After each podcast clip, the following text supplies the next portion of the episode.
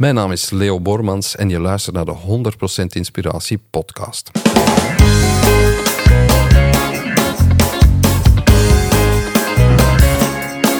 Hey, wat goed dat je luistert. Hij staat weer voor je klaar. Je wekelijkse dosis inspiratie is weer daar.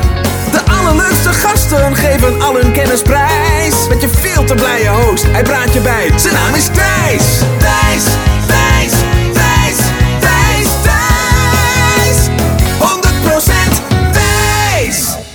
Hey, wat leuk dat je kijkt of luistert naar deze gloednieuwe aflevering van de 100% Inspiratie Podcast. Met in deze aflevering voor jou heel erg veel inspiratie en wijsheden als jij meer wil weten over geluk.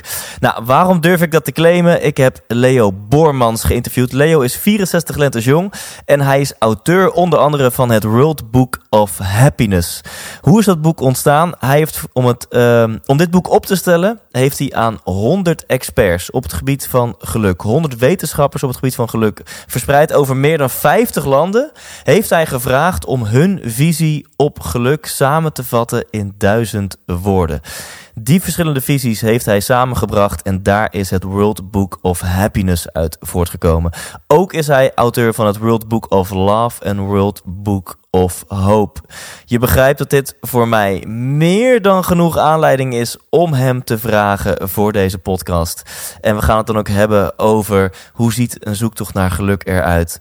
Um, uh, hoe maak je de juiste keuzes in het leven. Maar ook heel erg veel wetenschappelijke feitjes en nieuwtjes over geluk die ik bijzonder interessant vind. En ik hoop jij ook. Dus ik ga stoppen met praten en ik ga Leo aan het woord laten. Heel veel plezier en inspiratie gewenst. Hier is Leo Bormans. 100% Thijs.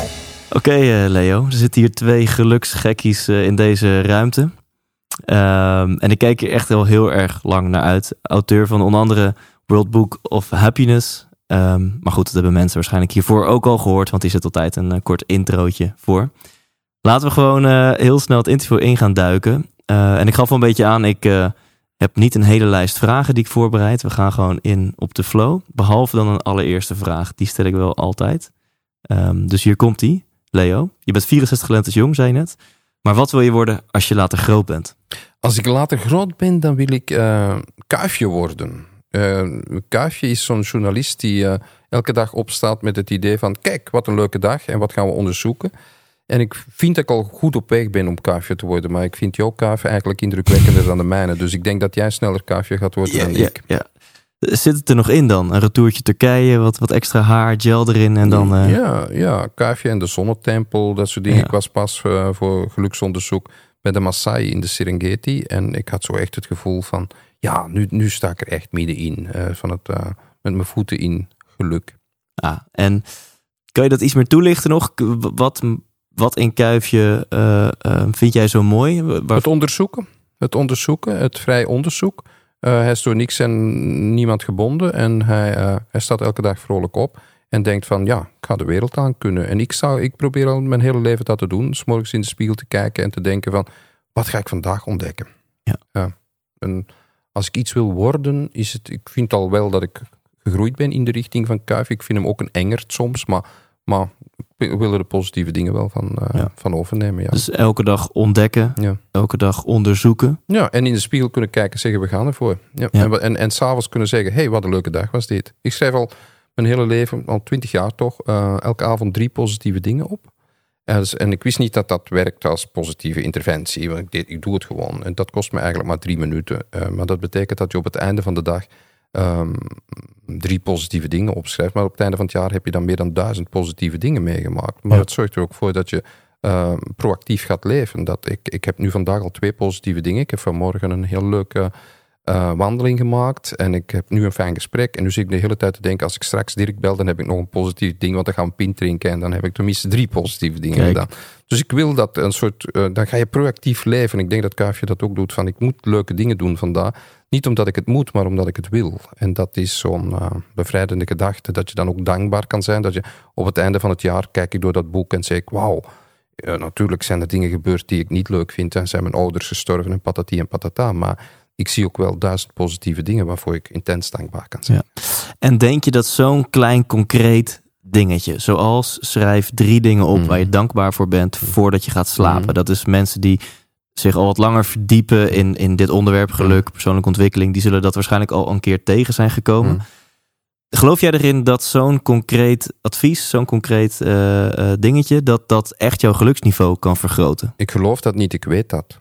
Wat ik doe heeft niks met geloven te maken, maar met weten. Ik doe aan onderzoek. Ik ben niet zo'n soort goeroe die het licht heeft gezien en die, eh, en, die, en die na 17 echtscheidingen plots gaat zeggen wat je allemaal moet doen om gelukkig te zijn. Dat, zo zit ik niet in elkaar. Nee. Ik, ik doe wetenschappelijk onderzoek en Ja. ik heb aan wetenschappelijke onderzoekers gevraagd wat we weten over geluk. En het wetenschappelijk onderzoek is daar heel duidelijk in. Dat er een deeltje van ons geluk maakbaar is. Een beperkte deeltje is maakbaar. En of dat nu 30, 40 of 20 procent is, maakt mij niet uit. Als het een deeltje maakbaar is, dan ga ik er 100 procent voor. Ja. En dan wil ik tenminste dat deeltje maakbaar geluk dat tussen mijn oren zit, dat de mindset uitmaakt, dat beïnvloeden. En we hebben dat ook onderzocht aan de Universiteit van Leuven met meer dan 7000 proefpersonen die we drie maanden gevolgd hebben. En we hebben die kleine positieve interventies laten doen elke dag, elke week. Sommigen hebben we in een testgroep gezet en hebben we wijsgemaakt dat ze in een, dat ze in een wachtlijst zitten. En dan hebben we dan ineens alle interventies tegelijk gegeven en gezien wat het allemaal met elkaar Ah, doet. ja, ja. We hebben dat ook vergeleken met elkaar. En, eh, en we, dat is voor het eerst dat dit soort eh, groot internationaal onderzoek gebeurt naar het effect van positieve interventies. En we zien inderdaad dat bijvoorbeeld zo'n gratitude journal, hè, Ja, ja. dat het inderdaad werkt. Hè. Dat werkt absoluut. Dat is niet iets wat ik geloof. Dat is, ik hoef dat zelfs, ik, je hoeft dat helemaal niet te doen. Ik zeg ook tegen niemand dat iemand gelukkig moet zijn. Maar wat we zien in het onderzoek is dat we een aantal dingen weten die effectief werken. Dus waarom zou je dat niet doen? In het onderzoek zien we dat het effect van die kleine positieve interventies. En je kan daarbij mensen helpen. Dat is wat ik probeer te doen. Interventies binnen te brengen in het gewone leven. Het effect van die kleine positieve interventies is groter en duurzamer dan het effect van pillen. Dus die kleine Zo. positieve dingen hebben aangetoond dat als je een dieet zou volgen, dan zou je op die periode eh, 4, 5 kilo afvallen.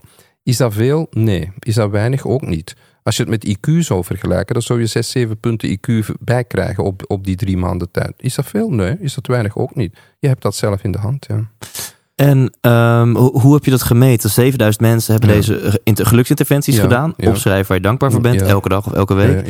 Hoe, hoe Niet alleen je... opschrijven waar je dankbaar voor bent. Allerlei kleine dingen. Hè. Ze, kregen, ze kregen elke dag andere tips. Hè. Het zijn, we hebben honderden tips ontwikkeld. Hè. En, en telkens gekeken wat werkt en wat niet werkt. Eh, ik ben geen statisticus. Ik heb dat aan de universiteit overgelaten om dat in een eh, wetenschappelijk model te gieten. Ik heb de interventies bedacht, de begeleiding. En we hebben er de conclusies uitgetrokken. En wat we bijvoorbeeld zien, is dat er drie soorten mensen zijn die het heel moeilijk hebben om gelukkiger te worden. Want we weten van al die mensen die aan het onderzoek hebben deelgenomen, een aantal dingen op voorhand. Hè. Ja. Eh, heel erg was bijvoorbeeld op een bepaald moment de mensen die een dagelijkse tip kregen. Er zat een dt-fout in die tip. Nou, daar zijn 300 mensen bijzonder boos over geworden. Van, eh, ik doe niet meer mee aan een onderzoek van een universiteit die nog niet eens zonder fouten kan schrijven. Nu, dat was heel leerrijk voor ons. We hadden die fouten niet moedwillig ingezet, maar ze stond er toevallig. En dan zie je dat mensen die uit vrije wil deelnemen aan een geluksonderzoek zich toch bijzonder gaan opwinden over het feit dat daar een dt-fout in staat. Ja. We gaan kijken welke, welke persoonseigenschappen zitten er bij die mensen. Dat zijn perfectionisten. Nu, perfectionisten die hebben het heel moeilijk om gelukkig te worden. Dat is een van de drie karaktereigenschappen die het heel moeilijk maken om gelukkiger te worden.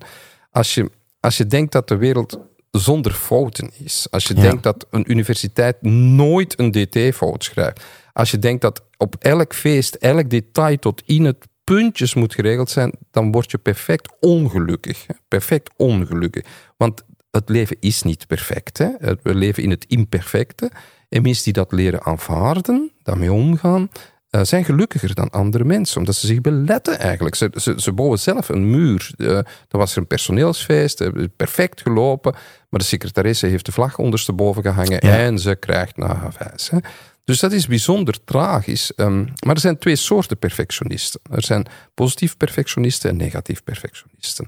De negatieve perfectionisten ehm, hebben het heel moeilijk om fouten te maken, durven geen fouten maken en komen daardoor zijn angstig.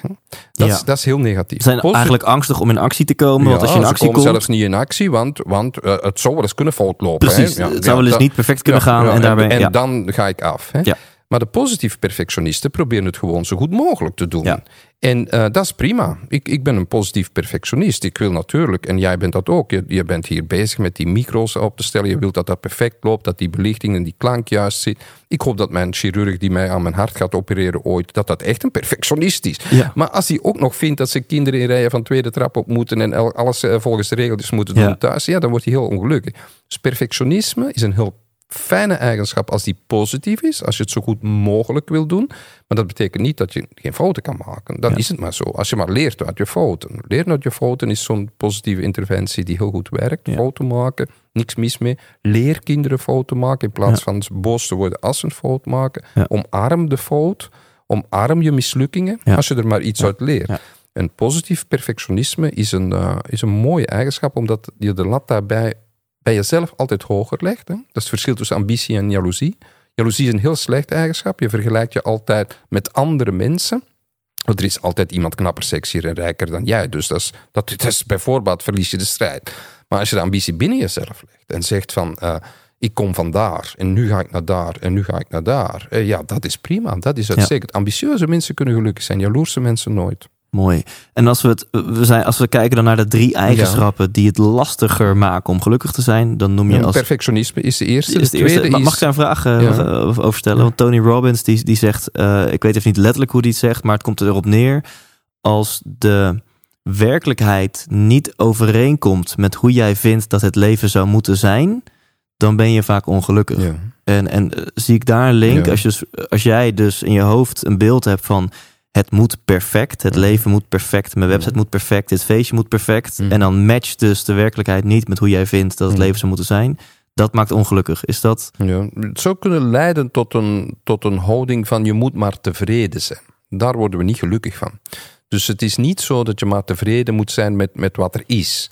Je mag best streven naar het betere. Het gaat over een actieve tevredenheid. Actieve tevredenheid maakt ons gelukkig. Dat betekent, ik ben tevreden met wat er is en ik kan het beter maken. Ja. Dat is iets anders dan, ik ben permanent in onvrede Ja. met, met wat er is en Ja. ik moet daar iets aan veranderen. En zo'n negatieve perfectionist, is dat te veranderen? Ja. Ja, ja, dat is heel goed te veranderen. Ja, ja. We hebben daar technieken voor. Hè.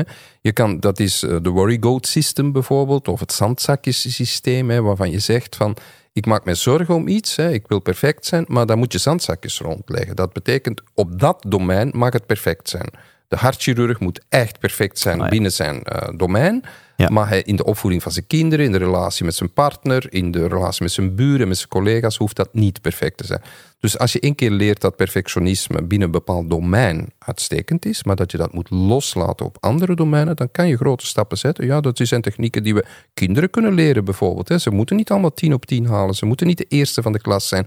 Niet iedereen moet So You Think You Can Dance kunnen winnen. Hè. Er is, er is, iedereen heeft zijn plek. Ja, en als nu iemand luistert en die denkt, ja, ik herken dat bij mezelf of ik herken dat bij mijn partner. De, de Maar bij je partner herken je dat namelijk heel goed. Je wil die namelijk al je hele leven veranderen. Hè. Daar zijn we allemaal mee bezig. Dat lukt je nooit. Ja, Eh, er ja. is, je kan je partner niet veranderen. Je kan andere mensen niet veranderen. Het enige wat jij kunt veranderen is jezelf. En dat, de manier waarop je naar je partner kijkt, de Ja. manier waarop je naar je relatie kijkt, dat kan je perfect veranderen. Partner zelf niet. Die doet zijn eigen ding. En zou je die hoe-vraag kunnen beantwoorden? Eh, hoe, hoe kun je dan, als je zo'n negatieve perfectionist bent, welke technieken zijn er dan om jezelf aan te leren om een positieve perfectionist te worden? De slechtste techniek is te zeggen, jij moet dus een beetje minder perfectionistisch zijn. Daar wordt hij helemaal kregelig van. Dat gaat hij namelijk niet Ja. doen. Hè? Dus dat werkt absoluut niet. Wat je kan zien is dat je mensen leert in context te brengen eh, waarin ze dat perfectionisme kunnen loslaten. Hè? Waarin ze andere dingen ervaren, domeinen waarin ze, niet, waar- waarin ze ook gelukkig kunnen zijn, maar waarvan ze niet de beste moeten zijn. Hè? Leren ze een nieuwe hobby, leren ze een nieuwe taal, leren ze nieuwe vaardigheden. Niet omdat je de beste keramist wil worden en omdat je geen fouten kan, maar omdat je leert dat in keramiek maken bijvoorbeeld, dat het eh, leuk is om ook eens iets fout te maken. Tweede eigenschap die het lastiger maakt om gelukkiger te worden. Je wil er echt op door, hè? Ja, eh, eh, als, er zit natuurlijk ook een, en een, een, een geluksonderzoeker tegenover je Ja. en een semi-autist tegenover je. Dus als je mij vertelt, er zijn drie eigenschappen Ah, dan die... wil je ze eh, alle drie horen. Ja, dat is de tweede eigenschap ja. die het heel moeilijk maakt om gelukkiger te worden, wat we in het onderzoek zien, is bange mensen. Bange mensen hebben het heel moeilijk om gelukkiger te worden. Omdat geluk altijd iets te maken heeft met uit je comfortzone komen. Een beetje de deur open doen, op een kier zetten om iets nieuws te, te, ontdekken. Je wordt gelukkig van een nieuw gesprek, nieuwe vrienden, nieuwe ervaringen. Bange mensen hebben het daar heel moeilijk mee, komen niet buiten, durven niet, denken dat ze gaan uitgelachen worden, dat ze uh, gepest zullen worden of zoiets. Ze hebben allemaal uh, een, een bepaalde angst. En we hebben allemaal angsten.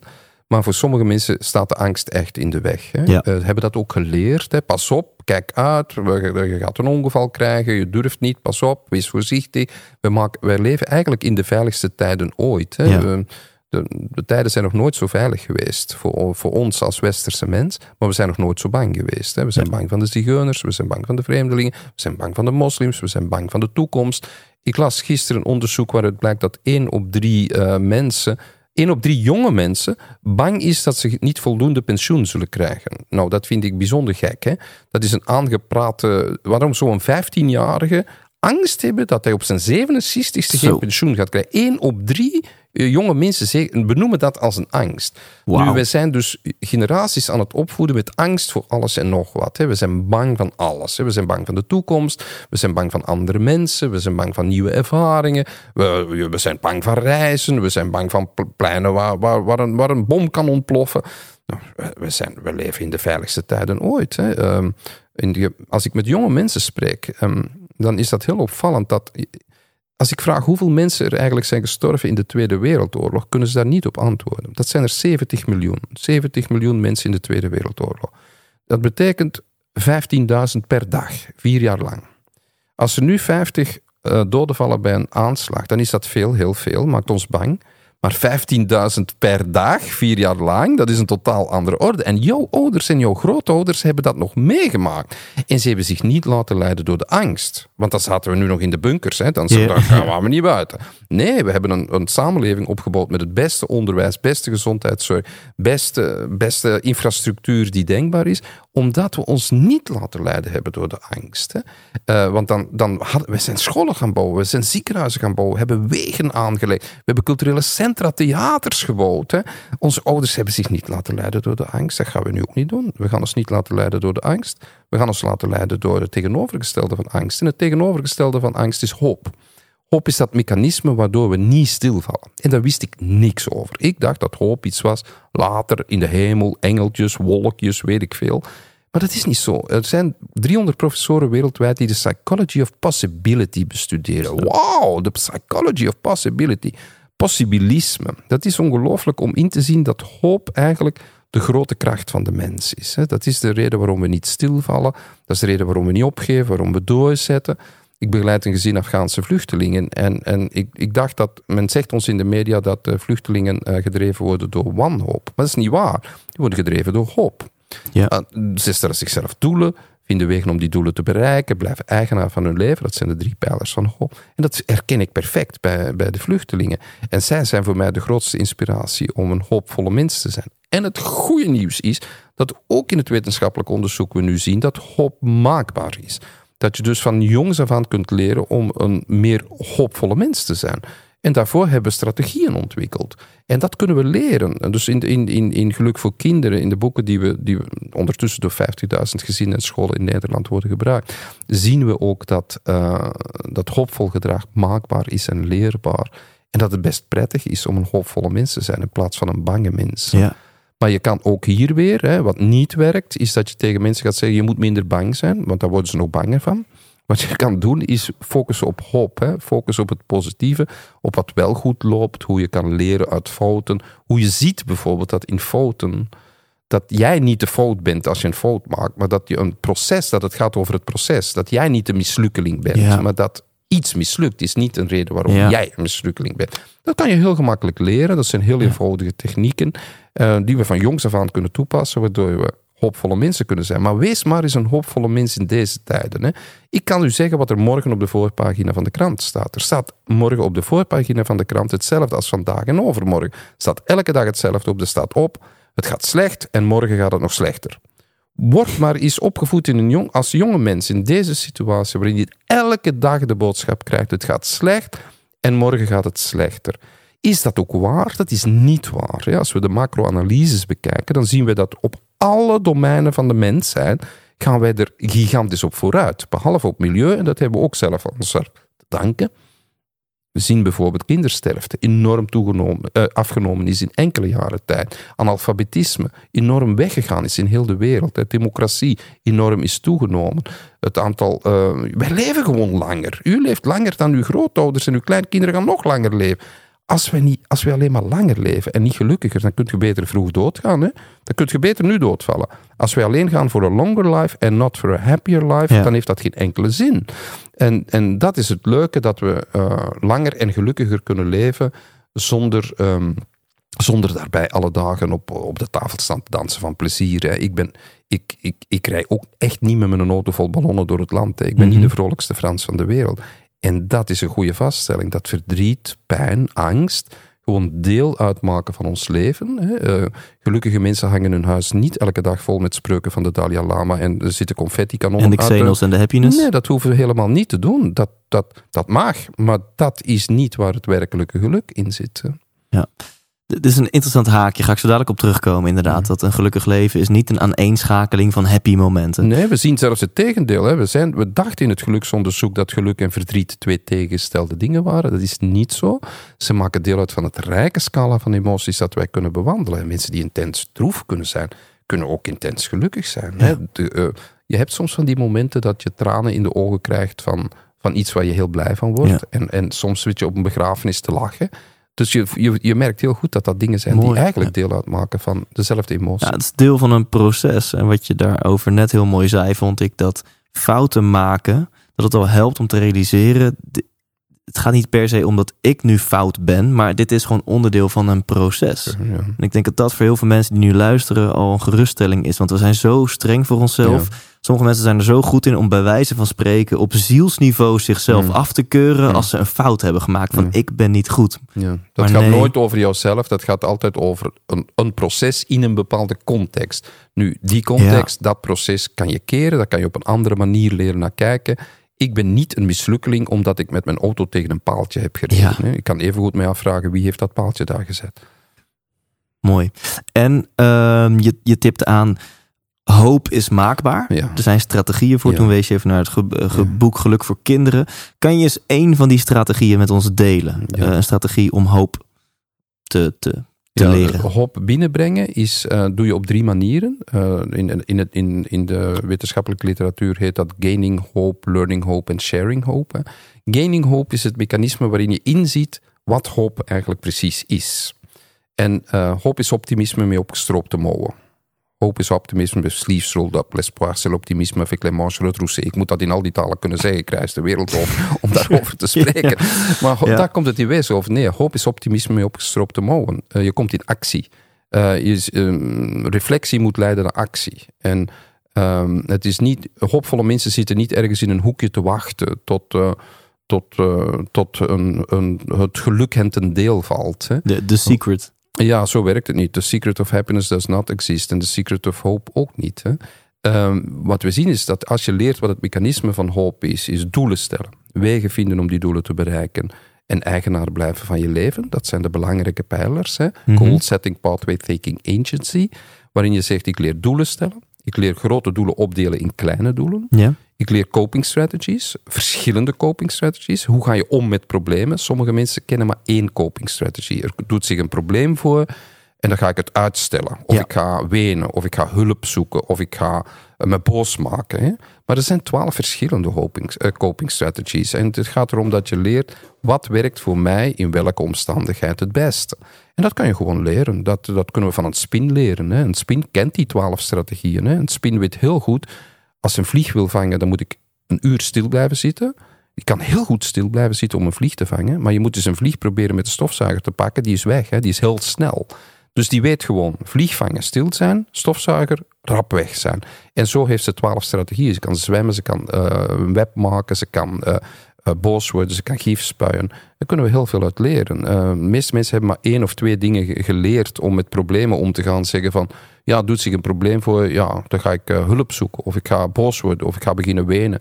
Dat zijn allemaal manieren om, om daarmee om te gaan, maar er zijn er veel meer. Dus het tweede ding is pathway taking, coping strategies. Derde pijler is eigenaarschap. Hè. Hoe blijf ik eigenaar van mijn leven? Heel veel mensen denken dat ze slachtoffer zijn van het leven. Hè? Hoe komt dat mij dan nu toch weer op moet overkomen? Hoe komt dat ik de pech heb? Hè? En mensen moeten leren om, om eigenaarschap op te nemen, geen slachtofferschap. dat kan je leren, dat kan je perfect leren. Dus Dat zijn technieken die, eh, die ons leren hoe, wat is het mechanisme van hoop. Dan kan je de technieken leren om dat te bereiken. En het belangrijkste is, de derde stap is sharing hope. Hè.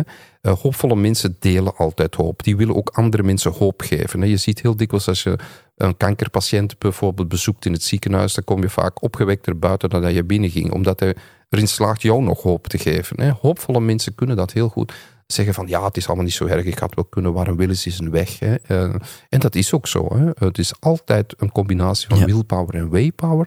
Als je iets wil, dan vind je een weg om dat te bereiken. Maar Ja. als je het niet wil, ja, iemand, die- iemand- een possibilisme noemen we dat. Hè? Possibilisme is een combinatie van geloof en gedrag. Als je gelooft dat je doodgaat voordat je een operatie begint, ja, dan heb je twee keer zoveel kans om dood te gaan. Eh, omdat je daar gedrag aan koppelt dat dat geloof bevestigt. Dan ga je die pillen niet nemen, dan ga je niet slapen, dan ga je alcohol blijven drinken, dan ga je blablabla. Je gaat je gedrag niet aanpassen. Maar één keer dat je zegt, ik geloof dat ik dit ga halen, dan ga je gedrag koppelen aan dat geloof. En dat is wat possibilisten doen. Geloven dat het goed afloopt en daar gedrag aan koppelen. Het is niet voldoende om erin te geloven. Het is een combinatie van geloof en gedrag, wat ons possibilisten maakt. Dit is interessant, vind ik. Zeker voor mensen die misschien wat kritischer zijn richting, in hun ogen, zweverige uitspraken. Dus bijvoorbeeld als je zegt, als je ergens in gelooft, dan verdubbel je de kans dat Ja. iets gaat lukken. Dus zullen sommige mensen denken, nou, dat klinkt wel heel spiriwiri. Ja, Maar dat de- klinkt zo, maar dat is in alle wetenschappelijk onderzoek zien we dat. Hè. Er is geen enkel nadeel aan optimisme. Geen enkel Ja. nadeel. Hè. Optimisten leven langer, zijn succesvoller in seks, wetenschap en vriendschap. Er is echt geen enkele reden om geen optimist te zijn. Pessimisten leven gewoon minder lang. Dat, hebben, dat is niet iets wat Ja. wij hier nu bedenken. Ja. Daar hebben we voldoende wetenschappelijk onderzoek voor. En toch wordt er altijd mee gelachen. Is de optimist de onnozelaar, de naïveling, die te veel spreuken van de Dalai Lama in huis heeft en te veel flow op zijn eh, tafeltje Ja, en- en- en maar zeggen- dat is niet zo. Dan zeggen de pessimisten, die zeggen, nee, ik ben realistisch. Ja, maar dat een realistische pessimist die het nog niet durft toegeven. Hè? Dat, Ja. is een, dat is een. Dat is een. Dat is gezo- Cynici, dat is het ergste. Hè? Een cynicus. Wat zegt een cynicus? Een cynicus zegt: Kijk eens hoe ik erin slaag en hoe intelligent ik ben. Dat ik erin slaag om in 30 seconden alles wat vuur en passie nu mogelijk maakt kapot te maken. Dat is gewoon de gemakkelijkste levenshouding. Je breekt alles Ja, af. ja. Er zijn maar heel weinig cynici, maar ze hebben heel veel invloed. Heel Ja, veel negatieve invloed. Ze maken veel lawaai. En in die zin is het goed dat optimisten wat meer lawaai zouden maken en elkaar Ja, zo en verbinden. En daar, daar rond ik het mee af wat we over hoop aan het Ja. zeggen zijn. Sharing hope is eigenlijk eh, het mechanisme waardoor we elkaar beïnvloeden op een positieve manier. Hè. Jij bent altijd degene die op iemand kan rekenen. Er is iemand in jouw leven waar je op kan rekenen. Eh, en, en jij bent ook degene waarop iemand anders kan rekenen. Ja. Dat kan je ook leren. Dat je mm, er kan zijn in moeilijke tijden voor elkaar. Dat leren we zelfs aan jonge kinderen. Ja, Ja. dat is perfect mogelijk. Dat je net zei dat ehm, eh, over cynisme, zeg maar, wat, wat mij wel eens teleurstelt in de mens, om het maar zo te zeggen, dat we inderdaad, de- de- de- eh, cynisch zijn is veel makkelijker dan optimistisch zijn. En als je, dat is super gemakkelijk. Je breekt gewoon alles af. Dat is echt Ja. super gemakkelijk. Maar die krijgt altijd aandacht. Hè? De cynicus krijgt Ja. aandacht. Dat heb, dat, en, dat- en dat geeft hem dus een, een gevoel van ik ben goed bezig, want ik krijg aandacht. Nu ja, hij mag de aandacht hebben, maar de beste manier om een pessimist te worden is je te omringen met pessimisten. En de, op, de beste manier om een optimist te worden is je te omringen met optimisme. Want dat, herk- dat herkennen we denk ik allemaal wel. De meeste mensen die deze podcast luisteren zijn optimisme. Dat is nu niet likken richting mijn luisteraar. Dat Nee, is ook dat, gewoon dat zo kan anders klinken. Zij zullen natuurlijk ook op weerstanden botsen, waardoor mensen ook dat thema geluk op zich. eh, ik zie honderdduizenden mensen in de zalen wereldwijd en altijd zit daar een stuk weerstand op dat woord geluk, geluk, geluk. Moeten we wel gelukkig zijn? Is dat niet iets bla bla bla bla bla bla bla. En dan de Nederlanders zijn dan ook de, bij de top vijf van de gelukkigste mensen. Dat willen ze helemaal niet horen. Mhm. Eh, zo van ja, maar wij zijn toch dat land van die chagrijnige mopperaars, bla bla bla bla. bla. Ja, ja, ja. Eh, jullie zijn best gelukkig, maar je wil het niet horen. Hè? De Belgen zijn, doen het een pak minder goed, maar eh, ja, ja, de pijlers van geluk zijn. En dat ligt niet aan het aantal uren zonneschijn dat jullie hebben in jullie land. Hè? Het gaat over gelijkheid, eh, vertrouwen in elkaar, eh, dat soort dingen. Dat zijn veel belangrijkere componenten. Ik vind het interessant om twee dingen samen te brengen waar we het nu over hebben gehad. Hoop en je tipte eventjes aan van nou, verdriet eh, hoort ook erbij. Hè? Geloof ik geluk en Mm. verdriet zijn Ja, geen ja, tegenpolen nee, van elkaar. absoluut, ja. Ehm, stel, er, er gebeurt iets verschrikkelijks. Laten we een heel simpel voorbeeld nemen. Liefdesverdriet. Mm. Het is uit met je relatie. Dan eh, ben ik heel benieuwd hoe verhoudt hoop zich dan tot ook je verdriet er. Want je kan er meteen vanaf dag één, hè, eh, is- je vriend of je vriend, iemand die je kent in tranen, dat je tegen hem of haar zegt, ja, maar er komt voor jou echt wel weer een prins op het witte ja, paard, dat moet je weet echt je niet wel. zeggen tegen zo iemand. Daar wordt hij heel, heel, heel boos en heel, nog droever van. Dat Ja. zijn mensen die zeggen van, ja, je hebt een kind verloren, maar je hebt gelukkig nog een ander kind. Ja, dus, maar zo'n domme dingen zeggen mensen. hè. Ja, dus de vraag is dan, hoe verhoudt hoop zich tot ook wel gewoon je emoties er laten zijn en even marineren in, in de, de, het verdriet wat er is? Ja, Daarmee komen we ook op de derde eh, karaktereigenschap die het heel moeilijk maakt om gelukkiger te worden. We hadden al gehad over perfectionisme, we hebben het gehad over angst. En de derde, de derde karaktereigenschap, als je die zelf hebt of eh, anderen hebben die in je omgeving, wordt het moeilijk om positieve interventies toe te laten in je leven. En dat zijn mensen die niet weten hoe ze met emotie moeten omgaan. Eh, daar geen woorden voor hebben, hè, daar geen uitdrukking voor hebben. En vooral mannen zijn emotionele dinosauriërs. Hè, hebben geen woorden voor gevoel, weten niet hoe ze daarmee moeten omgaan. eh, we- vallen dan plots in een diep gat als de partner verdwijnt. eh, weten niet bij wie ze daar terecht kunnen, hebben niks geleerd, komen dan bij een huwelijkstherapeut aan die zegt dan, hoe gaat het? Eh, ja, slecht. Kan je het nog anders omschrijven? Ja, niet goed. En dan hebben we het gehad. Dat, zijn, dat is de woordenschat waarover we beschikken. We, we hebben dat niet geleerd. Ja. En ook hier is het goede nieuws. Je kan leren om je emotie uit te drukken. Om, om, om oprecht en authentiek te zijn in jouw emotie. Ehm, als je dat niet kunt, wordt het heel moeilijk om gelukkiger te worden. En dan helpt het als je dan in een verdrietige situatie zit. Hè, zoals je zegt, de partner verdwijnt. Of je hebt een, een echtscheiding of een dood van iemand in je, in je omgeving. Dan helpt het echt niet om tegen die mensen te zeggen: morgen komt de zon weer op. Hè. Dus zo werkt dat natuurlijk niet. Hè. Dat verdriet moet je erkennen. Dat is daar aanwezig. Ja. En dat zal nooit weggaan. Stel dat je, dat je zegt: ja.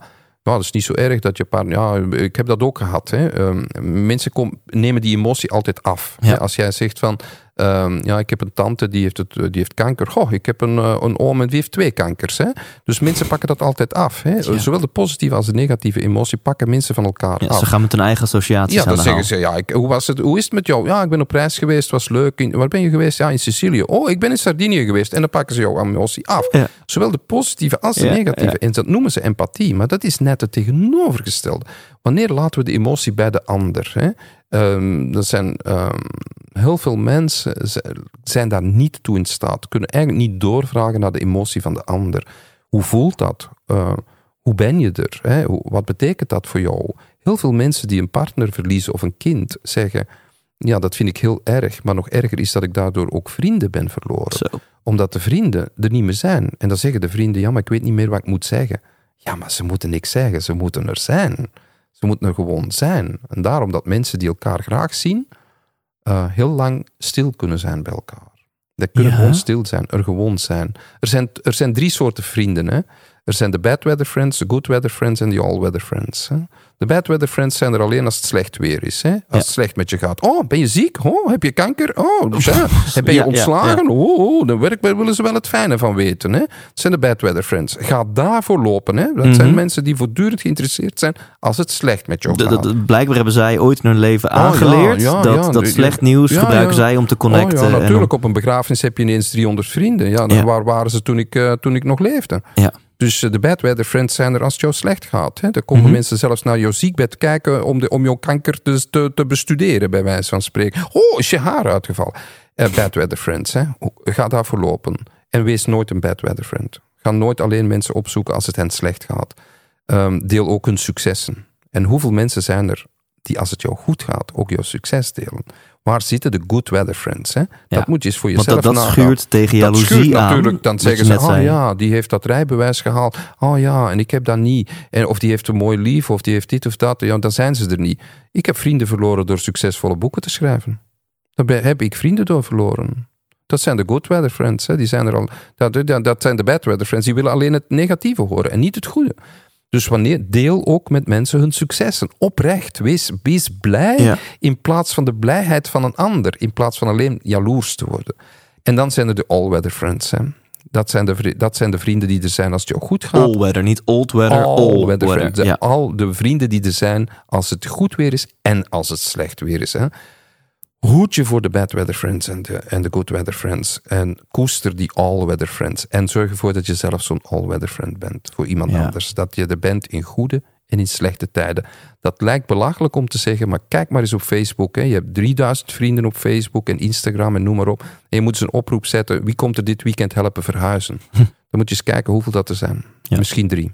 Ja. Dat zijn ze. Die all-weather friends. Mooi. Ik, ik ga hier heel erg goed op.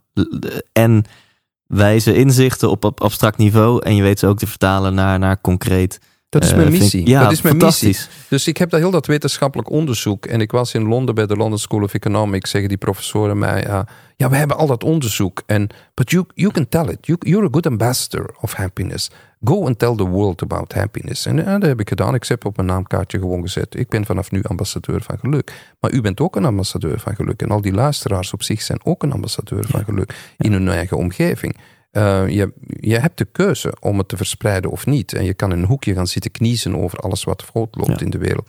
Daar word je zelf ongelukkig van en andere mensen ook. Of je kan de reflectie omzetten in actie. Ik ga niet op een berg zitten in Tibet om daar eh, op, yoga, op een yogamatje en op één been te kijken naar de ondergaande zon. Sommige mensen zullen daar gelukkig van worden, maar ik niet. Ik Ja. wil reflectie omzetten in actie. En daarvoor schrijf ik kinderboeken, maak ik eh, interventies voor mensen, geluksplekken in steden, Ehm, noem maar op, om, om zoveel mogelijk mensen op verschillende domeinen te raken, omdat we maar in verandering zullen komen, in beweging zullen komen door emotie. Hè. Ja. Emotie, informatie verandert mensen niks. Hè. Door internet veranderen we niet. Het is maar door emotie dat Ja. we veranderen. Daar waar de andere mens je hart raakt, waar de andere mensen je ogen durft kijken en durft zeggen: Ik heb jou gezien, er zit iets goeds in jou en daarvoor buig ik diep. Waardoor wij andere mensen de kans geven Ja. om boven zichzelf uit te stijgen, om zelf een beetje gelukkig te worden. Gebaseerd op kennis, wetenschap en onderzoek. Niet op een soort goeroe-denken van, eh, nou, al, al eh, morgen komt de zon op en je moet op hete kolen lopen en, en, en, en, en, en bloemblaadjes eten en Tibetaanse schalen op je kop zetten. Dat, dat zeg ik niet. Dat helpt voor sommige mensen, maar niet voor mij. Ehm, Ja, ik vind het mooi dat jij middel en doel ook uit elkaar... Want die, die, die, die, heel belangrijk onderscheid. die, die vergissen we nog wel eens met elkaar. Heel belangrijk onderscheid. De meeste mensen denken dat een doel hetzelfde is als een middel. Er zijn heel veel mensen die tegen mij zeggen: Ik zou ook wel een boek willen schrijven. Ik zeg, schrijf er een. Pak pen en papier en begin eraan. Je moet echt niet wachten. Hè? Dan zeggen mensen, ja, maar ik wil ook wel, zoals jij, je reist dan de hele wereld rond van ja, Japan en China. Ik wil ook wel, eh, als je iemand nodig hebt om je, om je koffer te dragen, dan wil ik dat wel doen. Ik zeg, eh, pak je eigen koffer. Je vliegt voor 39 euro naar Barcelona. Waar zit jij op te wachten? Ja. Tot ik ga vragen om jou, omdat jij mijn koffer gaat dragen. Draag je eigen koffer. Neem verantwoordelijkheid. Heel veel mensen zien het onderscheid niet tussen een doel en een middel. Een boek schrijven is geen doel, dat is een middel. Reizen, dat is geen doel, dat is een middel. Als mensen zeggen, ik wil een wereldreis maken en ze formuleren dat als doel, dan vraag ik, en waarom wil je dat doen? Ja. Ah, ik wil vreemde culturen leren kennen. Oh, dat is een mooie, mooie eigenschap, mooi. Heb je al eens gesproken met je Marokkaanse buurman? Eh, nee. Als je dan toch vreemde culturen wil kennen, waarom spreek je dat niet met je Marokkaanse buurman? Dat is een middel. Een wereldreis is een middel. Spreken met je Marokkaanse buurman dat is ook een middel. En het doel kan zijn, ik wil een avontuurlijk leven leiden. Ja. Of ik wil een cultureel leven leiden. Ja. Dat is een doel. Als mensen mij zeggen, ik wil een boek schrijven, dat is geen doel, dat is een middel. Dan vraag ik, waarom wil je dat doen? Om beroemd te worden? Om, om geld te verdienen? Om je emotie uit te drukken? Wel, om je emotie uit te drukken kan je ook een gedicht schrijven en tegen de muur hangen. Dus als het gaat over emotie uitdrukken eh, of over beroemd worden, of, dan zijn er, dat zijn allemaal middelen. Het doel kan zijn, ik wil bijdragen aan een betere wereld bijvoorbeeld. Ja. Ik wil andere mensen helpen. Eh, eh, of ik wil, ik, wil, ik wil een avontuurlijk... Of ik wil gezond zijn. Ja. En dan is afvallen, stoppen met roken. Dat zijn geen doelen, dat zijn middelen. En het nog erger is dat mensen niet alleen het onderscheid maken tussen een, niet het onderscheid maken tussen een doel en een middel, maar ook niet tussen een doel, een middel en een wens. Wat is een wens? Ik wil ook wel 10 kilo afvallen. Maar als ik daar niks voor doe, dan ga ik niet afvallen. Hè? Dus ik, ik moet aan een wens moet ik een actie koppelen. Ja. Er zijn mensen die denken dat ze gewicht gaan verliezen door boeken over diëten te lezen. Hè? Zo werkt dat niet. Hè? Er zijn mensen die denken dat als ze boeken over geluk lezen of naar een podcast Ja. over geluk eh, luisteren, dat ze daar gelukkig van worden. Maar dat klopt natuurlijk niet. Dat kan, dat kan aanzetten tot reflectie, maar reflectie moet leiden naar actie. Als jij niet in beweging komt, dan gebeurt er niks. En het goede nieuws uit dat, heel dat geluksonderzoek is dat dat deeltje maakbaarheid daar is. Dat die kleine dingen die je kan doen en toevoegen aan je dagelijkse leven, dat die effectief een verschil maken, groter verschil maken dan pillen, duurzamer, langduriger zijn. En niet alleen jouzelf een beetje gelukkiger maken, maar ook je omgeving om je heen. Want dat is altijd viraal. Hè? Geluk is altijd prosociaal. Het heeft altijd met andere Ja. mensen te maken. Het heeft altijd met invloed op anderen. Het gaat niet over mijn geluk. Het gaat over het geluk van anderen. Ik vroeg aan een van die professoren: Kunt u mij eens in duizend woorden samenvatten wat we weten over geluk? En hij zei: Bent u gek geworden? Ik heb, ik heb twee boeken over geluk geschreven, 200 academische artikels over geluk. En u vraagt mij dat om dat samen te vatten in duizend woorden. Ik kan dat niet. En ik dacht, lap, daar gaat mijn hele project. en twee weken later kreeg ik een nieuwe mail van die man. En hij zei, your question has triggered me. And I started scratching, scratching, scratching. And I succeeded summarizing everything we know about happiness in two words. Ik kan alles wat we weten samenvatten in, uh, over geluk in twee woorden. Ik denk dat ik een idee heb welke twee woorden dat zijn. Ja, u hebt misschien mijn boek gelezen. Ja. En anders- Oh nee, eh, eh, als ik kijk naar de titels van je boek, Ja. zou ik denken eh, liefde en hoop. Nee, het, de twee essentiële... Ja, het is juist hoor, dat, wat, wat u zegt. eh, eh, maar de twee essentiële woorden die, eh, geluk, die het geluksonderzoek samenvatten... zijn andere mensen. Andere mensen. Het gaat niet over eh, mijzelf, het gaat over anderen. En het gaat niet over dingen, maar het gaat over mensen. En de hele samenleving spant samen om ons het tegenovergestelde wijs te maken. Ze maken ons wijs, het gaat over mijn dingen, mijn dingen, mijn dingen. Sinds de Tweede Wereldoorlog hebben we onze huizen volgestoken met mijn dingen, mijn dingen, mijn dingen. Maar we zijn daar niet gelukkig van geworden. Hè? Het ergste is Happy Black Friday. Hoe maken ze ons in godshemelsnaam wijs dat je met Happy Black Friday gelukkig gaat worden? Alsof jij op je sterfbed gaat zeggen dat de gelukkigste momenten in jouw leven waren dat moment waarop je een televisie of een ijskast uit iemand anders zijn handen hebt getrokken voor 30% korting. Daar worden we niet gelukkig van. En toch slikken we dat, dat, dat zoiets Happy Black Friday wordt genoemd. Hè. Dat is in wezen de contradictie van geluk. Hè. Het gaat niet over mijn dingen, het gaat over mensen en het gaat over andere mensen. En jij bent altijd die andere mens voor een andere mens. Dat is het belangrijkste inzicht dat we hebben. Dus geluk zit in, in other people matter. Andere mensen doen ertoe. En als jij dat besef hebt, dat je niet meer focust op het materiële en niet op, de, op, op dat van jezelf, maar op het delen met andere mensen, dan kom je heel dicht bij de essentie van geluk. En kun je die nog een stapje concreter maken? Voor, voor mij, ik, ik host deze podcast. Ik ben vaak op een podium te vinden. Eh, dan heb ik het over deze onderwerpen, geluk en succes. Ik heb ook een business in duurzaamheid, helpen we bedrijven. En nou, ik heb ook nog privéleven, ik sport en ik heb vrienden. Wa- wa- Wat is, hoe kan je dat dan concreter maken als je tegen mij zegt, nou Thijs, geluk heeft vooral te maken met andere mensen. Eh, dan denk ik, oké, interessant. En nu concreet? En nu ga ik het concreet maken, ja. Ehm, er is natuurlijk niet één weg naar geluk. Hè. Als, er, als er een gouden formule zou zijn, als er iemand heeft die de gouden formule heeft, geloof hem niet. Het is een kwakzalver of een charlatan. Er is niet one way to happiness. Er zijn vele wegen naar geluk. En ieder zal zijn eigen weg moeten vinden. Wat voor jou werkt, werkt niet voor mij. Ja. Ik, ik word zenuwachtig van yoga bijvoorbeeld. Ik, Ja. Dat moeten ze mij echt Ja. niet aandoen. Maar sommige mensen vinden daar hun geluk Ja. in. Dus wie ben ik om te zeggen, ik heb daar geen oordeel Maar- over. maar ben vele ook- mensen vinden hun weg. Wat we heel Ja. goed zien is, als, je deze twee, als ik u deze twee raadgevingen mag geven. Jij bent jong. Hè? Als, je, als je voor je vijftigste deze twee dingen hebt gerealiseerd, dan heb je 85% meer kans om een lang en gelukkig leven te leiden. En deze twee dingen zijn: één, een positieve levensstijl. Op, je, op vijf domeinen. De, op je werk, je relaties, eh, je gezondheid, eh, eh, je vrijheid en je geld. Die vijf domeinen. hè.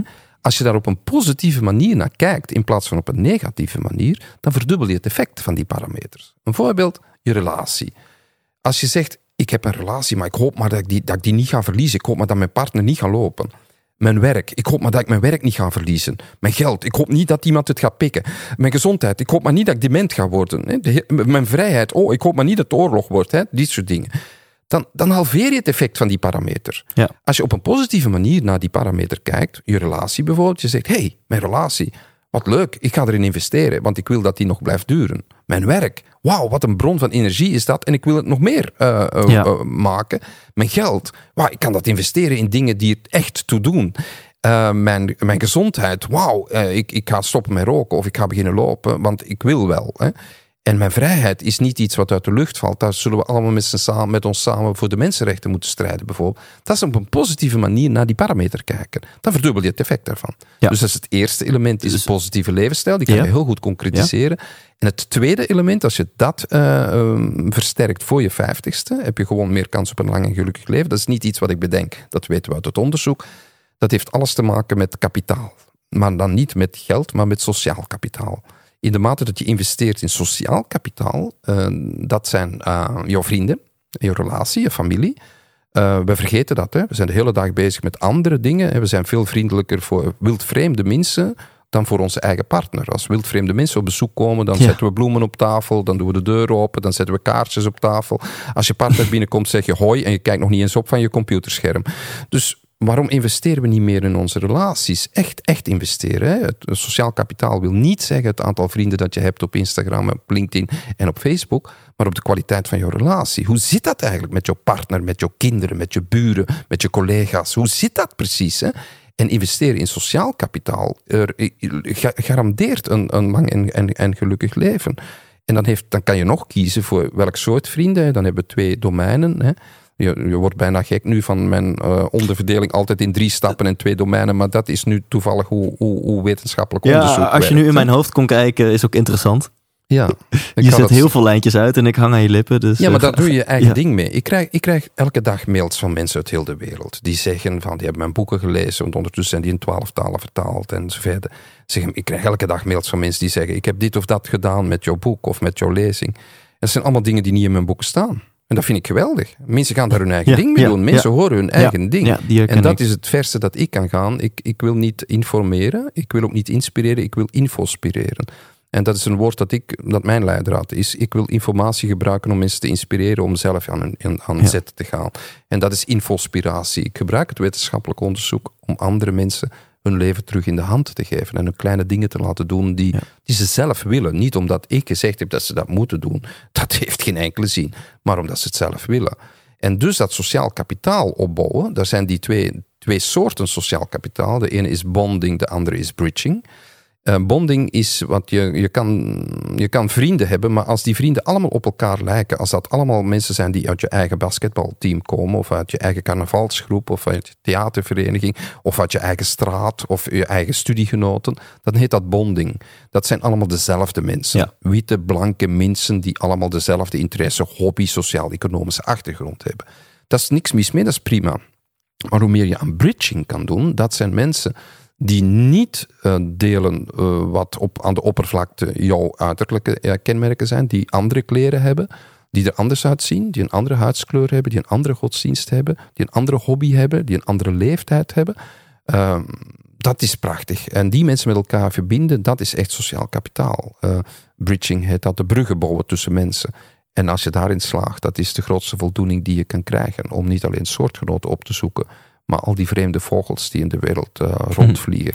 En waar je heel veel van kan leren. Dus dat zou een concreet advies zijn naar een ieder die luistert. Probeer eens die brug te slaan. Ja, hoeveel naar- mensen ken jij die er niet uitzien zoals jij zelf? Ja. En, en, en, En hoe die- zou je de stappen kunnen zetten richting mensen die er helemaal niet uitzien zoals jezelf? Helemaal niet denken zoals jij. Eh, waarom zoek je alleen op Facebook dat soort Ja. soortgenoten op? We zien zelfs dat mensen, we hebben daar onderzoek naar, dat mensen zelfs meer vrienden hebben die ook eh, met, de, met dezelfde beginletter van hun naam Oh, beginnen. ja. dat, eh, dat, we zien in mensen die gaan trouwen bijvoorbeeld, zien we dat die naar elkaar toe groeien in gewicht. Dat Mm. eh, als de ene dikker Ja. is dan de andere, dan wordt de ene dunner en de andere dikker om korter bij elkaar te komen. En dat is, dat is wij, wij leren ons aanpassen aan de ander. Hè? Maar hoe vreemder die is, hoe verder die van ons afstaat, hoe meer we ervan kunnen leren. Ik leer het meest van mijn Afghaanse vrienden. Dat En- is en- echt elke dag een feest van herkenning eh, en Ja. van vervreemding. Ja, dat is een waanzinnig verhaal wat ik je eigenlijk zo dadelijk wil vragen om, om nog eens te vertellen. Want dat vertelde je voordat we de microfoons aanzetten. Ehm, maar nog eerst even hierover. Wat maakt dan dat dit gelukkiger maakt? Wat maakt dat het positief effect heeft op je geluksniveau als jij eh, je sociale omgeving gaat uitbreiden met mensen die er niet zo uitzien als jij? Ja, dat heeft alles te maken met eh, broaden en build. Hè. Dat is ook in hersenonderzoek nagegaan. Hè. In de mate dat wij eh, nieuwe ervaringen opdoen en positieve emoties toelaten in ons leven, gaan onze hersenen breder worden en groeien. Dat is gewoon aangetoond. Dat hebben we in laboratoriumonderzoek kunnen aantonen. Dat nieuwe ervaringen opdoen, positieve emoties binnenlaten in je leven, eh, hebben twee effecten, broaden en build. Ze verbreden onze hersencapaciteit en ze, eh, ze laten ze toenemen. We worden gewoon opener, we krijgen meer zuurstof binnen. Eh, mensen die zeggen dat ze altijd alles al weten, dat ze niks nieuws meer kunnen leren, die zijn ongelukkiger. Hè? Laatst zat er Ja. nog een mevrouw van 95 in de zaal en die was alles aan het opschrijven wat ik zei. Ik zeg, wat, wat schrijft hij nu allemaal op?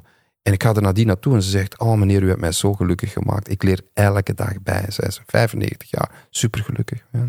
Dus als jij jouw wereld klein maakt, zij het letterlijk in fysieke vorm dat je bij wijze van spreken de straat niet uitgaat, Mm. zij het in kennis, zij het in sociale contacten, dan is dat gewoon wetenschappelijk te zien in, in, in de bandbreedte van jouw hersenen dat jij minder gelukkig wordt. Ja, en ik kan jou niet verplichten om je straat uit te komen of om de deur open te doen. Hè? Want Nee, als je dat gaat doen omdat iemand hier op deze podcast heeft gezegd dat we dat moeten doen, dan werkt het natuurlijk niet. Het gaat maar vanaf het moment dat je dat wil. Ja. Vanaf het moment dat je dat wil. Hè? En we hebben, we hebben heel goed gezien dat gelukkige mensen zijn intern gemotiveerde mensen en niet extern gemotiveerde mensen. Extern gemotiveerde mensen hebben het heel moeilijk om gelukkig te worden of succesvol te zijn. Het zijn mensen die ervan uitgaan dat, eh, dat ze de dingen doen omdat ze geld moeten verdienen, omdat ze een auto willen hebben, omdat ze een beloning willen krijgen, Ja. omdat ze geapprecieerd willen worden. Dat zijn extern Dus gemotiveerde op mensen. zoek naar ehm, Bevestiging van bevest- buitenuit. ja, ja. Geluk zit niet aan de buitenkant, geluk zit in de binnenkant, zit in de manier waarop je naar de dingen kijkt. Dat kan soft klinken, maar we hebben al het onderzoek toont dat aan. Hè? Dat mensen die zelfsturend vermogen ontwikkelen, gelukkiger zijn dan mensen die, eh, die denken dat geluk in, de- in het winnen van de lotto ligt, om maar iets te zeggen. Hè? Daar word je helemaal niet gelukkig van. Nu hebben we ook ontdekt in de positieve psychologie wat de drie pijlers zijn van zelfsturend vermogen. En die drie pijlers zijn autonomie, competentie en verbondenheid. Hoe meer autonomie je voelt in de dingen die je doet, hè, eh, in plaats van voortdurend gecontroleerd te worden. Ik geef heel veel trainingen aan managers in grote bedrijven. Zie je bijvoorbeeld dat heel veel mensen heel veel energie steken om mensen te controleren, checklisten te laten invullen enzovoort. Daar worden mensen helemaal niet gelukkig van. Ze steken al hun energie in het ontlopen van de controle autonomie geven aan mensen, het stuur van hun leven in de hand nemen, zowel voor kinderen als voor volwassen mensen, werknemers, eh, zowel als managers, autonoom mogen beslissen, in plaats van voortdurend gecontroleerd worden, maakt ons gelukkig. Dat is de eerste pijler van zelfsturend vermogen. De tweede pijler is eh, competentie, geloven in de kracht van mensen, in talent van mensen, de juiste mensen op de juiste stoel. Je kan iets, ik bekrachtig jou, ja, ik laat je los, ik geloof in jou. En de derde pijler is verbondenheid. Hè. Ehm, teamwerk heeft altijd betere resultaten dan individueel werk. Teamwerk duurt langer, maar is duurzamer qua geluk. Daarom hebben we ook een heel spel ontwikkeld. Teamgeluk heet dat, wat we in bedrijven spelen, in organisaties. Waarin we door positieve bekrachtiging bij mensen zover komen dat ze echt inzien dat een team 1 en 1 plus 3 is. Hè, dat de positieve eigenschappen in de groep zitten. Dat we geen externe specialisten en cursusleiders moeten binnenhalen. Ze zitten in de groep, maar we geven die groep zo weinig kans om dat te doen. Dat doen we met Team Geluk bijvoorbeeld in honderden bedrijven, in organisaties, in instellingen, om gewoon de kracht die in het team zit te laten eh, gebruiken. Ja. Maakbaarheid is een paar keer voorbij gekomen. Eh, even voor de mensen die, die dat wellicht nog nooit hebben gehoord of gelezen. De, de, de wetenschap, en jij noemde meerdere percentages, maar de wetenschap zegt ongeveer, geloof ik, 50% is het genetisch, 10% is omgeving en 40% is maakbaar, is mindset. ja, we moeten op terugkomen op die precieze cijfers. Die zijn wat genuanceerder dan dat. Eh er is wat onderzoek naar genetica en dat wordt altijd fijner en fijner. Hè. Er zijn nog meer elementen die spelen. Maar het ligt daarin vooral, die cijfers die u noemt, hebben te maken met het verschil in geluk tussen mensen met een soortgelijke achtergrond en ervaring. Oh ja, Uh, maar mij interesseert dat niet of dat nu 50% of 10% is. Als, al, is het al is het maar 5% maakbaarheid, dan vind ik het de moeite om voor te gaan. In het onderzoek zien we ongeveer 40%. Daar, d- dit vind ik een leuk ehm, ehm, eh, zaadje, cliffhangertje voor straks. Ehm, nog even, het is een beetje een omgekeerde volgorde dit interview, maar dat vind ik alleen maar leuk. Over jouw persoonlijke levensloop. Want mensen, als mensen kijken, dan zien ze hier allemaal boeken staan.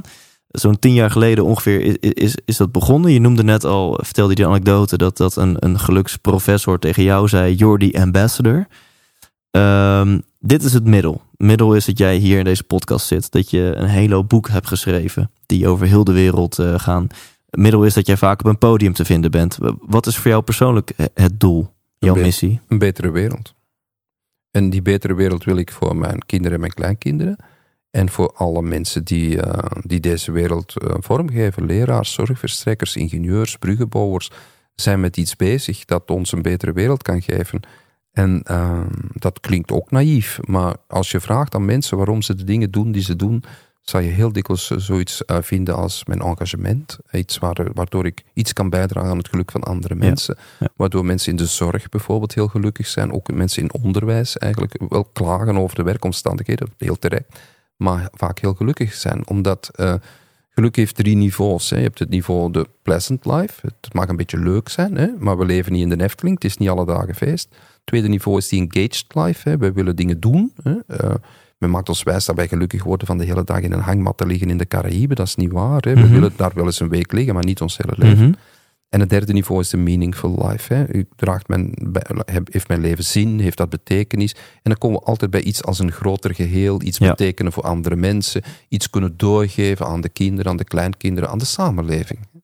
En een betere wereld, eh, mensen gelukkig maken. Je, je had ook eh, een put kunnen gaan slaan in Afrika. Je had je ook kunnen gaan verdiepen in duurzaamheid. Hoe, Mhm. hoe is dan geluk het, voor jou het middel geworden, het onderwerp geworden? Ik vind het prima dat die mensen. Ik ken heel veel mensen die putten gaan slagen in, eh, in Afrika. Hè. En, en, en mensen die in ontwikkelingswerk. ik, ik heb nauwe banden met ontwikkelingswerk. Ik zei u dat ik net terugkom van de Maasai in de Serengeti. Ik ga een tour doen met een Maasai-krijger in het najaar.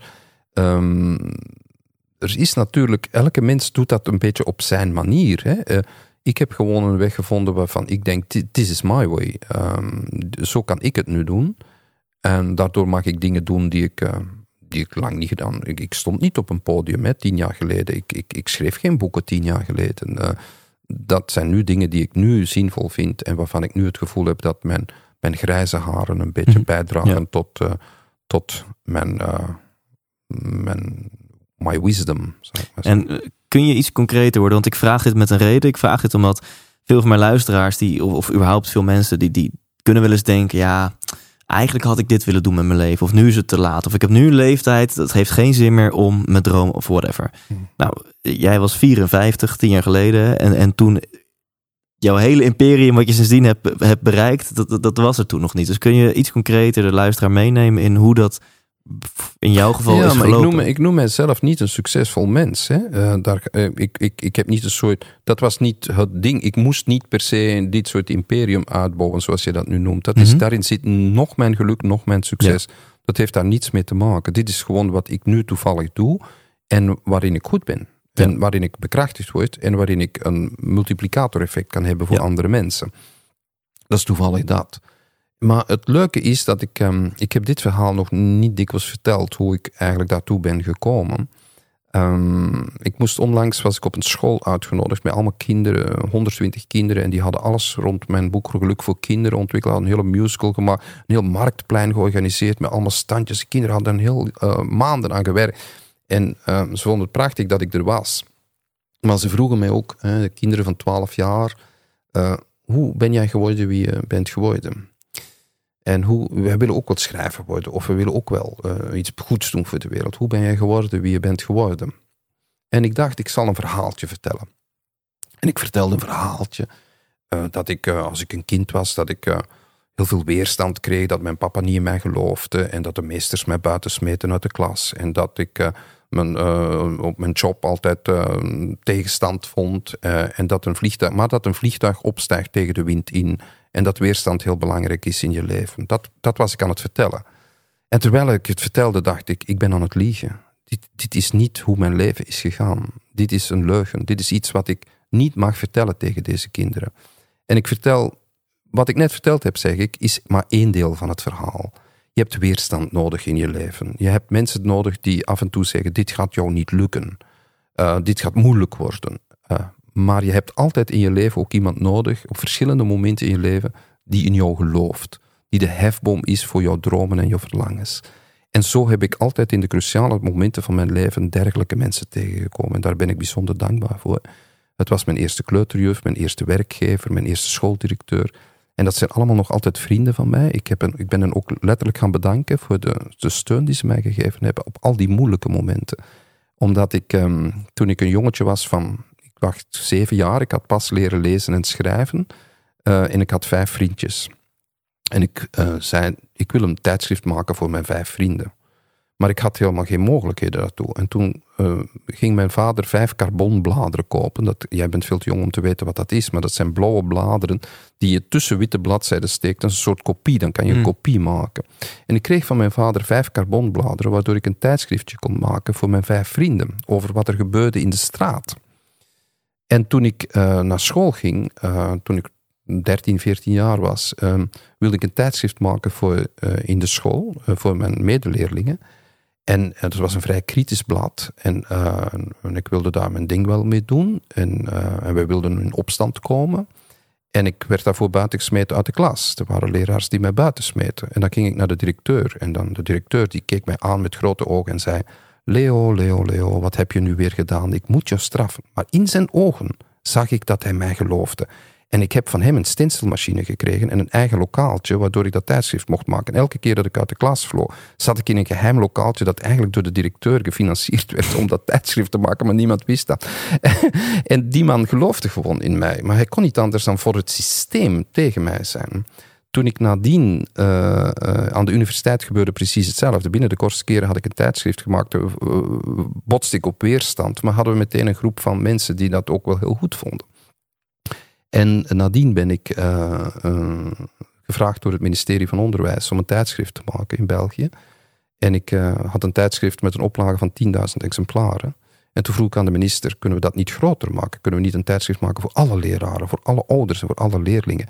En hij heeft mij een drukkerij gegeven. En ik heb een, tijdschrift gemaakt, 20 jaar lang, met een oplage van anderhalf miljoen exemplaren voor leraren, ouders en kinderen in Vlaanderen rond een positief project, positief onderwijs. Dat heb ik twintig jaar gedaan. Ik ben daar hoofdredacteur van geworden. Ik heb dertig mensen rond mij verzameld en we hebben uh, televisieprogramma's gemaakt, uh, internetsites ontwikkeld rond positief onderwijs en positieve ontwikkeling. En de minister heeft mij een drukkerij gegeven. Terwijl in het onderwijs heel veel weerstand er zit. Wij zitten in België nog met heel veel katholieke zuilen en noem maar op, die dat, die dat absoluut niet zagen zitten dat ik een tijdschrift zou maken. Maar de minister vond prima. Dus ik had de weerstand nodig, maar ik had ook de steun van iemand nodig. En toen er dan een uitgever naar mij toe kwam en die zei: um, Wil je geen boek maken over geluk? Zeg ik: Ik weet helemaal niks over geluk. Waarom zou ik nu een boek maken over geluk? Ik weet daar niks over. Daarom vragen we het jou, zei de uitgever. Ah, uh, ja, uh, jij kan op onderzoek gaan, je bent een journalist, ga het zoeken. Ik zeg: Als ik dat ga doen. En, en de uitgever had alweer een nog grotere drukkerij bij om de hefboom te zijn, om al die dingen te vertalen in, in zoveel talen. Uh, het boek werd cadeau gedaan aan alle wereldleiders. Uh, Barack Obama, Poetin, Merkel, ze hebben mijn boek gekregen door de Europese voorzitter. Uh, dat was een hefboom voor mij, waardoor, waardoor die man in mij geloofde en, en ook zijn nek uitstak van we want to, to, to put happiness on the international agenda. En heeft daar ook kritiek voor gekregen en weerstand. Maar hij is ook een vriend van mij geworden, juist omwille van die hefboom die hij mij gegeven heeft, om dat te kunnen doen. En de uitgever zei, ja, je mag een boek over maken over geluk. Ik zeg, ik weet daar niks over, maar als je dan toch een boek maakt, dan maak ik niet a book of happiness, maar the book of happiness. Wacht, nog straffer. The World Book of Happiness. En ik google dat ding en dat bestaat niet. Er is niemand die genoeg pretentie gehad heeft in de wereld om de World Book of Happiness te maken. De World Book of Love, de World Book of Hope. Ik heb meteen die namen vastgelegd als domeinnamen uh, op het internet. En gezegd, ja, als ik dan toch de moeite doe om een boek te maken, dan maak ik niet een boek, maar het boek. En dat is wat me drijft. Um, proberen um, niet een ding te doen, maar het ding. Ja. En dat is het ding dat ik toevallig goed kan. Ja. Ik kan de dingen uitleggen, ik kan structureren, ik kan analyseren, synthetiseren. Dat kan ik. Ik, kan, uh, ik durfde vroeger mijn mond niet open doen op een podium, zeker niet in Nederland. Ik was heel bang om in Nederland te komen spreken, omdat ik dacht dat ze met mijn Vlaams zouden lachen. En ik heb nu het gevoel dat ze dat net leuk vinden. Dus dat gaf mij vleugels. We, spreken, we doen deze podcast in het Parktheater in Eindhoven. Ik gaf daar voor het eerst een, een lezing voor duizend mensen. Um, dat is nu, mm, denk uh, zes jaar geleden, zeven jaar geleden. En die gaven mij een staande ovatie. En, en zeiden, je moet volgend jaar opnieuw terugkomen. En we willen jouw verhaal nog meer horen. En dat was voor mij een geloof van, oh, daar, zo kan je leven. Je kan op een podium gaan staan, je verhaal vertellen. En, en mensen mm, geven jou daarvoor waardering. Wauw. En uh, toen ben ik, heb ik mijn job verlaten op het ministerie van Onderwijs, wat een topjob was met de hele ploeg. En ik ben daar gewoon door de voordeur naar buiten gestapt. Uh, ik, ik, dacht, ik moest mijn hele leven daar blijven. Nee, ja. dat was een prima job. Maar ik kon beter. Ja. En dus ben ik door de voordeuren met de rode loper naar buiten gegaan en gezegd van, waar ik naartoe ga, weet ik niet. Uh, maar ik moet nu iets anders doen.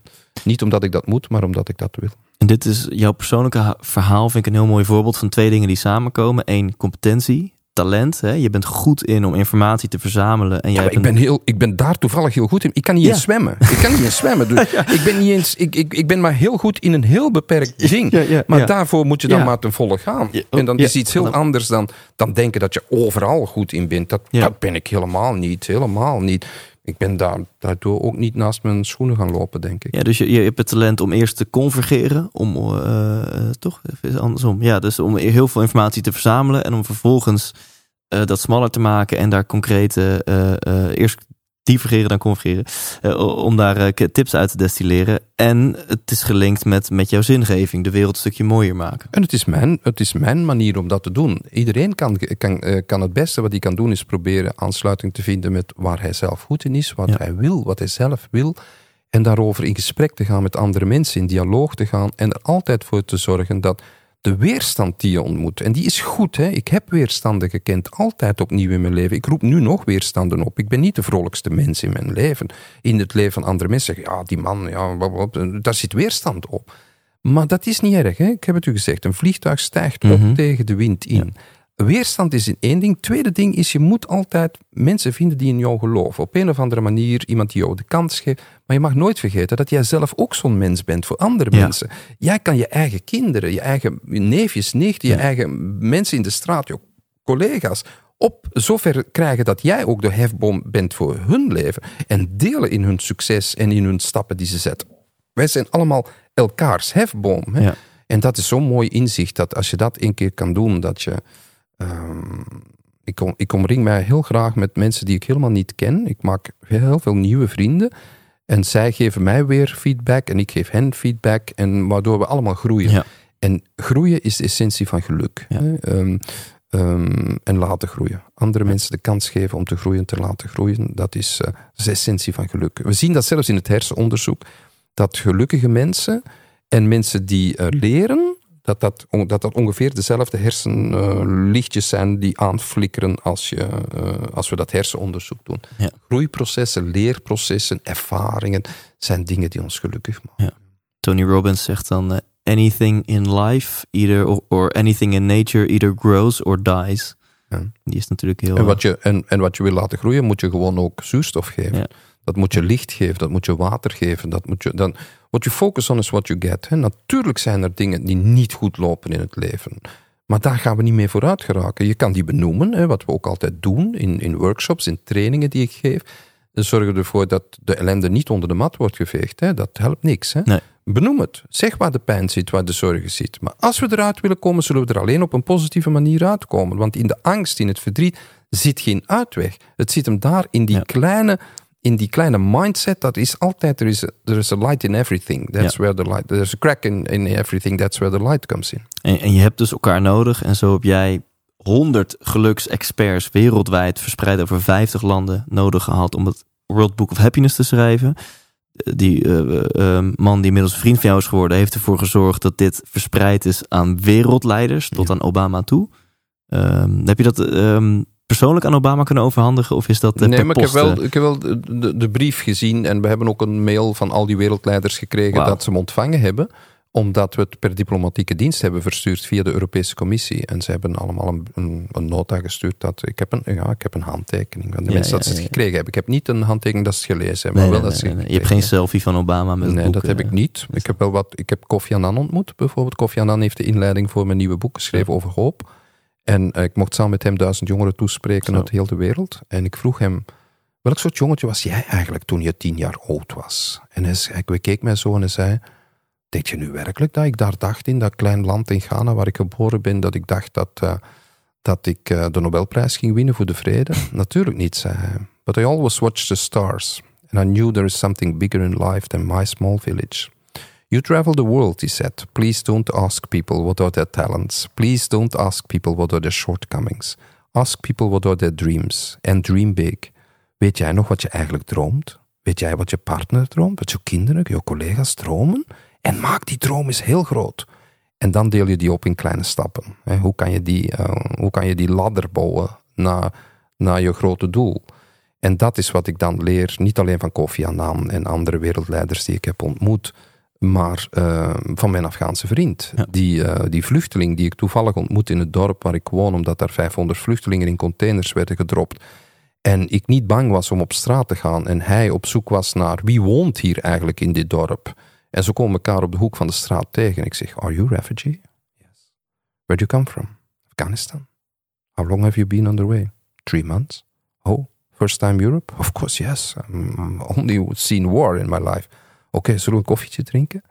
En zo is dat drie jaar geleden, al drie en een half jaar geleden begonnen. Om dan gewoon met hem de strijd te strijden van, voor erkenning.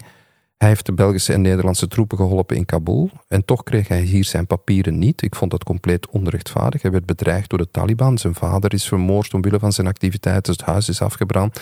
En hij staat hier dan met een vrouw en twee kindjes. En hij moet het land uitgezet worden. Dus twee keer heeft hij het bevel gekregen om het land te verlaten.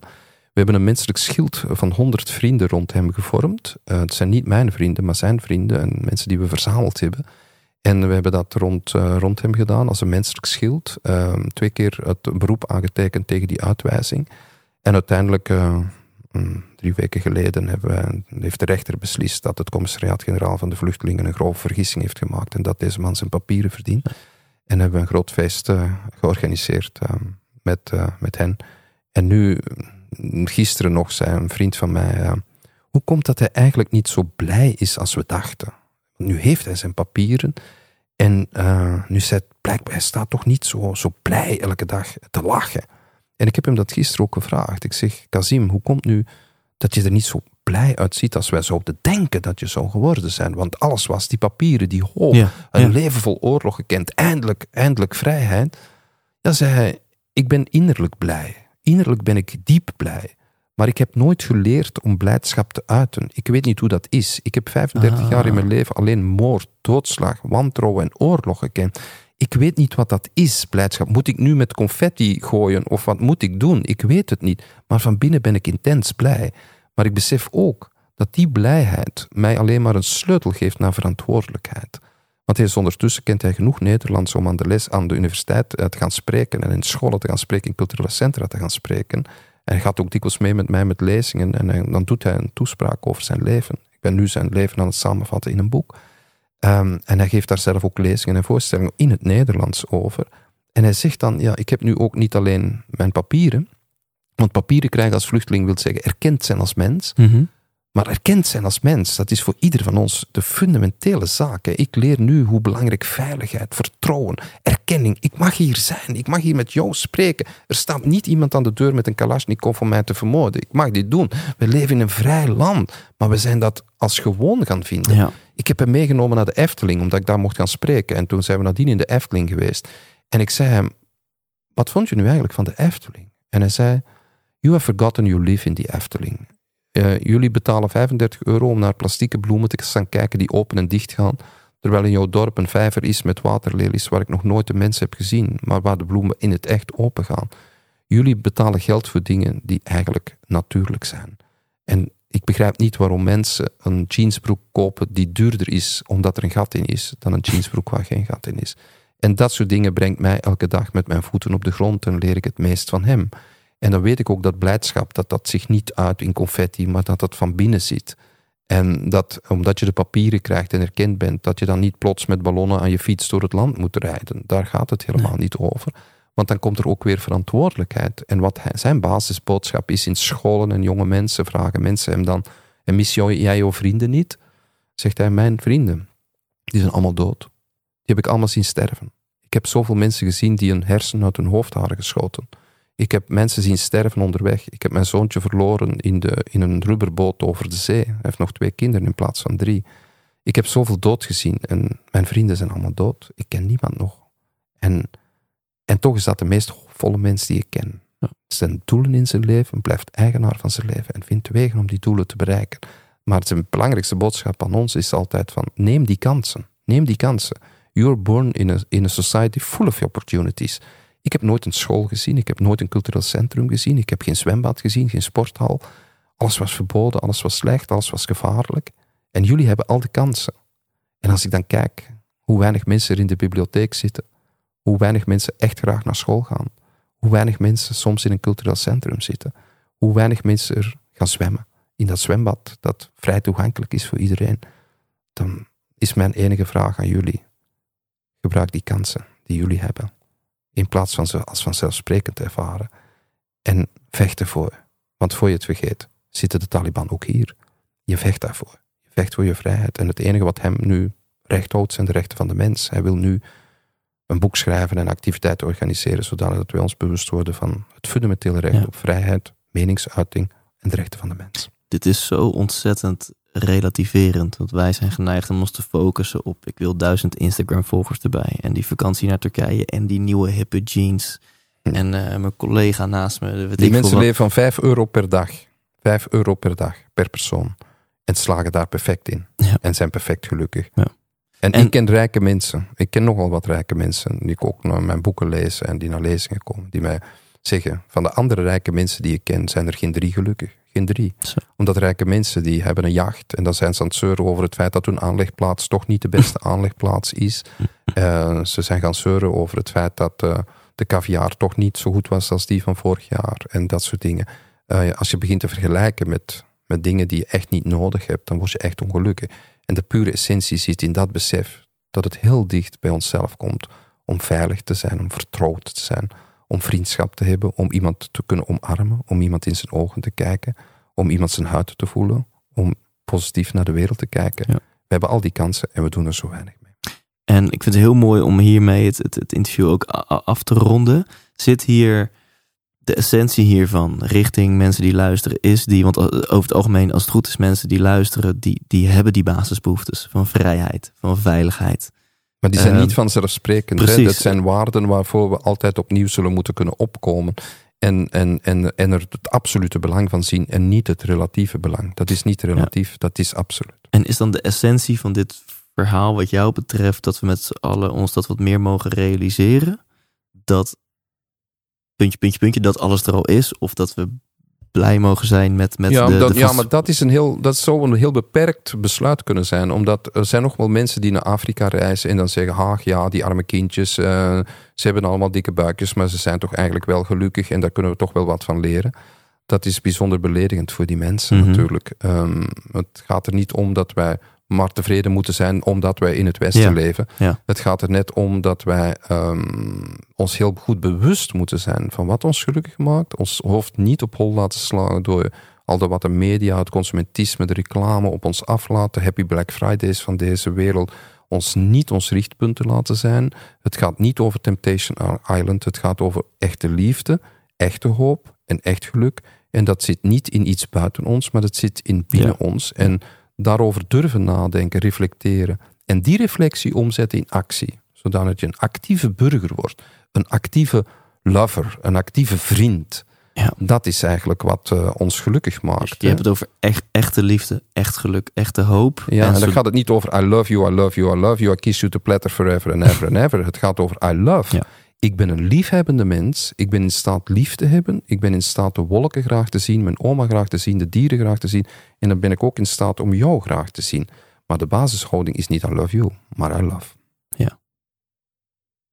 als mensen dit horen en denken, nou, of mensen dit zien. Een van die boeken die jij hebt geschreven, World Book of Hope, World Book of Happiness, World Book of Love, Geluk voor kinderen. Waar kunnen mensen al die boeken vinden? In de boekhandel gewoon. En ze Overal. moeten ze niet kopen. Ze kunnen ze vinden, ook in de bibliotheken, overal. Eh, ze zijn overal verkrijgbaar. En er is een website www.leobormans.be waarop eh, al die informatie ook wel ziet. En ik kom in, op heel veel plekken in Nederland waar je mensen eh, die boeken gewoon in huis hebben en daar op hun eigen manier iets mee doen. Voor zichzelf, voor hun kinderen, eh, voor hun collega's. En dat is heel prettig om te zien. Prachtig. In, in aanvulling op wat je net, net zei, eigenlijk als mensen realiseren van hé, hey, ik wil dit of dit bereiken, eh, want dan zal hij of zij of die mensen dit van mij vinden, of dan heb ik misschien die status, of ben ik goed genoeg voor mezelf, of voor mijn ouders, of voor mijn partner. Zodra het dus extern wordt, als dat eronder zit, als je een kritische vraag aan jezelf stelt, dan moet je eigenlijk bij jezelf te raden gaan van oei, dan is dit niet de juiste route. Of, Geluk is geen externe toestand, maar een innerlijke houding. Ehm, Het is een manier waarop je naar de dingen kijkt. Ik kan de dingen niet veranderen, maar de manier waarop ik naar de dingen kijk, kan ik heel goed veranderen. mooi. Mag ik jou bedanken? Natuurlijk. Ik vond het ook een heel fijn gesprek. U hebt mij de kans gegeven om, om wat langer eh, door te praten dan mij te verstikken in de one-liners waar andere interviewers eh, mij toe dwingen. Prachtig. Bedankt ervoor. 100% wijs! Thanks voor het luisteren naar deze aflevering met Leo Boormans. Volgende week staat er weer een gloednieuwe aflevering voor je klaar. En ik ga het gewoon alvast verklappen. Dan interview ik Duncan Stutterheim. Onder andere bekend als topondernemer bij IDT. Maar ook uh, wellicht uh, bekend als een van de uh, coaches van het tv-programma Dream School. Heel veel zin heb ik daarin. Dus tot volgende week en leef intens.